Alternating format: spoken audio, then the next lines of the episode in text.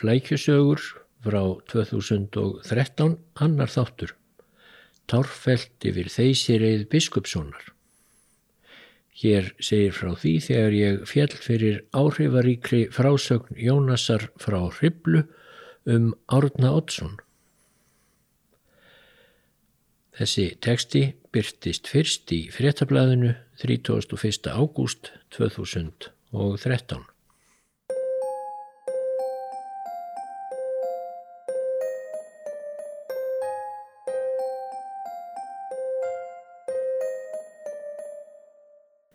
Ég mannað eins og það hefði gerst í gær. Ég var 11 eða 12 ára og var sömar langt í stóru ávík í árinesreppi á ströndum.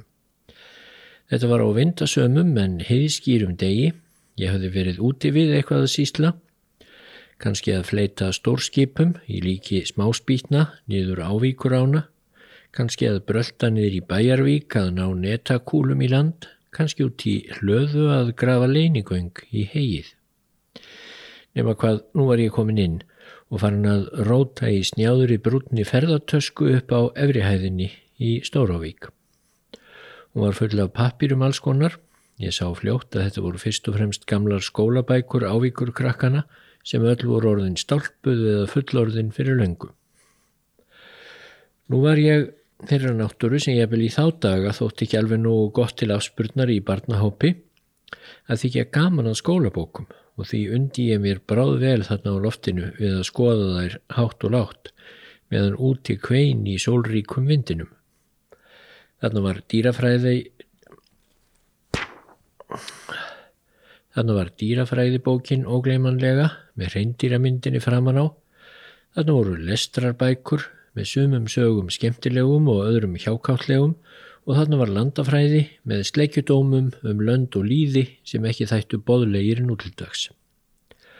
Og þarna var Íslandsaga Jónasar Jónssonar frá Hriblu. Fyrir en varði var ég búin að stinga öllum hinnum bókunum aftur niður í gömlu lúnu ferðartöskuna og farin að lesa Íslandsöguna spjalda á milli. Bók Jónasar frá Hriblu kom fyrst út í tveimur bindum á árunum 1915 til 16 og bar undir titilinn Íslandssaga handa börnum. Bókin var sem sagt mjög farin að nálgast sextugt þegar ég rakst á hana þarna upp á lofti í Stóróvík en ég hef þá líklega verið heldur forneskjulegt barn að minnstu kosti sökti ég mér á kavíana og fannst frásögnin öll svona aldeilis bráð skemmtileg.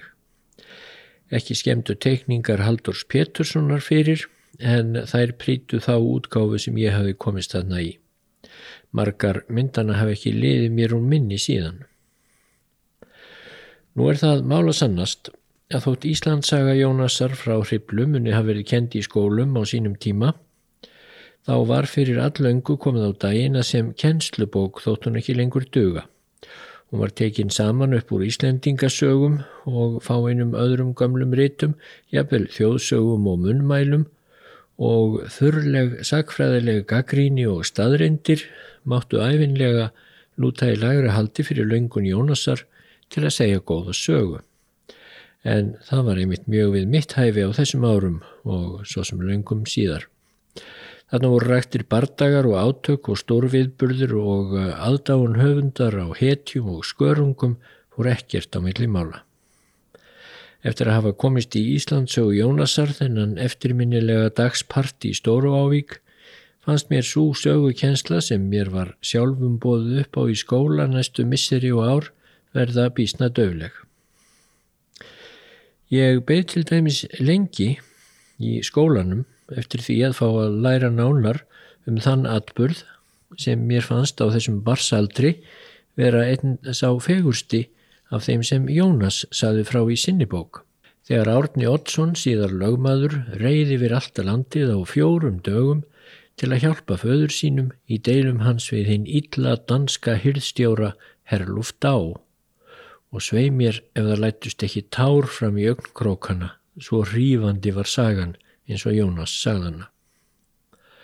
Hér verður að hafa það í huga að ég var í senn að var væmið barn og með all næma tilfinningu fyrir hennu dramatíska. Ég grét þegar mér var sögð sagan um nafna minn Ásmundsson og vörn hans í Drangei og mest þó þegar Ylvi Ásmundsson vildi heldur vera högvin en lifa við þá smán að hefna ekki Grettis bróður síns.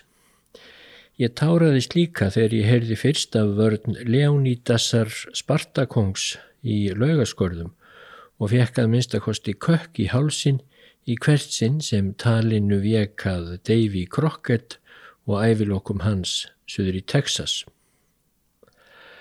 Sagan um Árna Oddsson var af því tægi, þótt reyndar væri engin drepinn að lokum.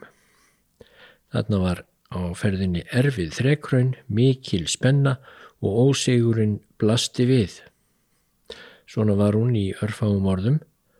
Ottur hétt maður Einarsson, biskup í Skálholti, hann átti í hörðum deilum við danska hyrstjóran Herlúf Dá, sem ekki er færið mjúkum höndum um í íslenskum heimildum varð af deilum Odds og Herlúfs mikill málaregstur og fór Árni svonur Odds til Kveipmannhafnar að afla föður sínum liðsinnis í konungsgarði. En þegar átt að dæma í málinu og alþingi var hann ekki komið tilbaka með álit æðri domstóla því hinnir helvísku dönsku kaupmenn höfðu tekið sig saman um að hjálpa hyrðstjóra og fá ekki hinnum frjálsborna biskupsinni far til landsins á skipum sínum en um síðir komst Árni þó skip, lendi á Ísturlandi og lág nú mikið á. Hann fekk að lokum afbrað skóðan hest, svo hann gæti riðið dagfari og náttfari, en á þinginu gerðist Ottur biskupur raunamættur þegar ekkert bólaði á sinni hans, en hýrstjórin Herlúft ávarð kampakátur. En Dana kveikindið fagnaði á snemma, því á síðustu stundu kom Árni brunandi á þingvöll eftir fjögur að sólaringast leitulöysa reið og aldrei skildi maður bóka sigur gegn Íslendingi. Það varð úr að þingi fengu við Ottur biskup og Árni svonur hans sigur í málarekstri sínum gegn danskinum en Herlúf Dá fjall í ónáð konungs, misti ennbætti sitt og dó snöyður. Þetta fannst mér vera maklega málagjöld fyrir Herlúf Dá sem bersínlega hafði verið þið versta fól en það danskur. En þar lærði maður fljótt af Íslandsögu Jónasar frá Hriblu að danskir menn voru varasamur og viðsjálir og vildu okkur Íslendingum sjálfnast nema illt eitt.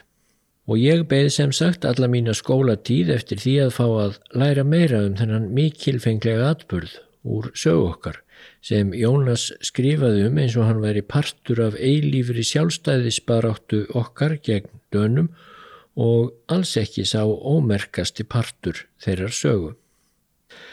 Eftir að hafa drukkið í mig Íslandsöguna þá var ég á því eins og Jónas að þannig væri saga okkar öll, eilíft stríð við útlendinga.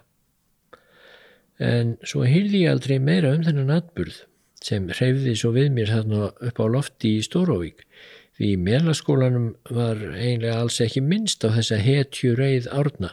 Heldur voru við bara látin læra hvað máldægi væri eins og það skiptir á einhverju máli og í hagaskóla tók Haugur Sigurðsson sögukennar á mót okkur og vildi helst fá að vita hvað vinnumenn hefðu haft með sér í nesti þegar þeir fóru söður í verið.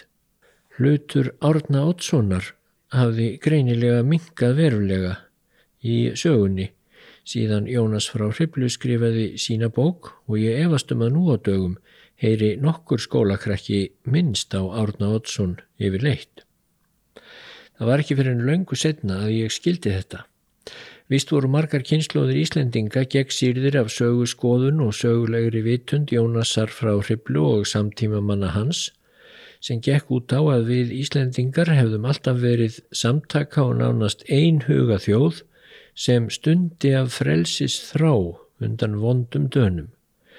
En sagan um árna og þeysi reið hans sem tákn myndum sjálfstæðis baráttu þjóðarinnar var þó of stór biti að kingja og því kvarfsú saga brátt úr skólabókunum. Sannleikurinn var auðvitað sá að Ottur Einarsson var stórbokki sem átti í deilum við Herlúft á engöngu í eiginhagsmunaskinni Deilutnar snýrist um peninga og völd og svo hugmynd að litlir skólakrakkar ættu að fagna óurlega með biskupi þegar hann vann sigur í málarekstri gegn hyrstjóra er svona svipuð eins og við ættu nú að líta á það sem fagnaðar efni fyrir alla hérna íslensku þjóð ef Þorstein Már Baldvinsson skildi nú fara með sigur af hólmi í málaþrefi sínu við Sæðlabankan. Án þess vel að merkja að það kvarlaði mér að hafa nokkra skoðun á þeim málum. Jónas frá Riblu hefur óvænt skotist fram í sveiðsljósið á ný eftir að ný ríkistjórn virtist á því herrans ári 2013 ætlaði að taka að einhverju leiti mið af skoðunum hans og viðhorfum. Og förðu margir hér á landi virðast enduróma þá skoðun að þjóðin hljóti alltaf að saminast í eldmóði gegn öllu sem kemur frá útlöndum, sé það ekki eintomt lof og prís. En sannleikurinn er sá að íslenskri þjóð hefur alltaf stafað meiri hætta af íslenskri kúun og íslensku arðráni en útlensku. Og landsetum sínum var Ottur biskup á nokkur svafa erfiðar í skauti heldur en nokkur tíma herlúf vesalingurinn dá.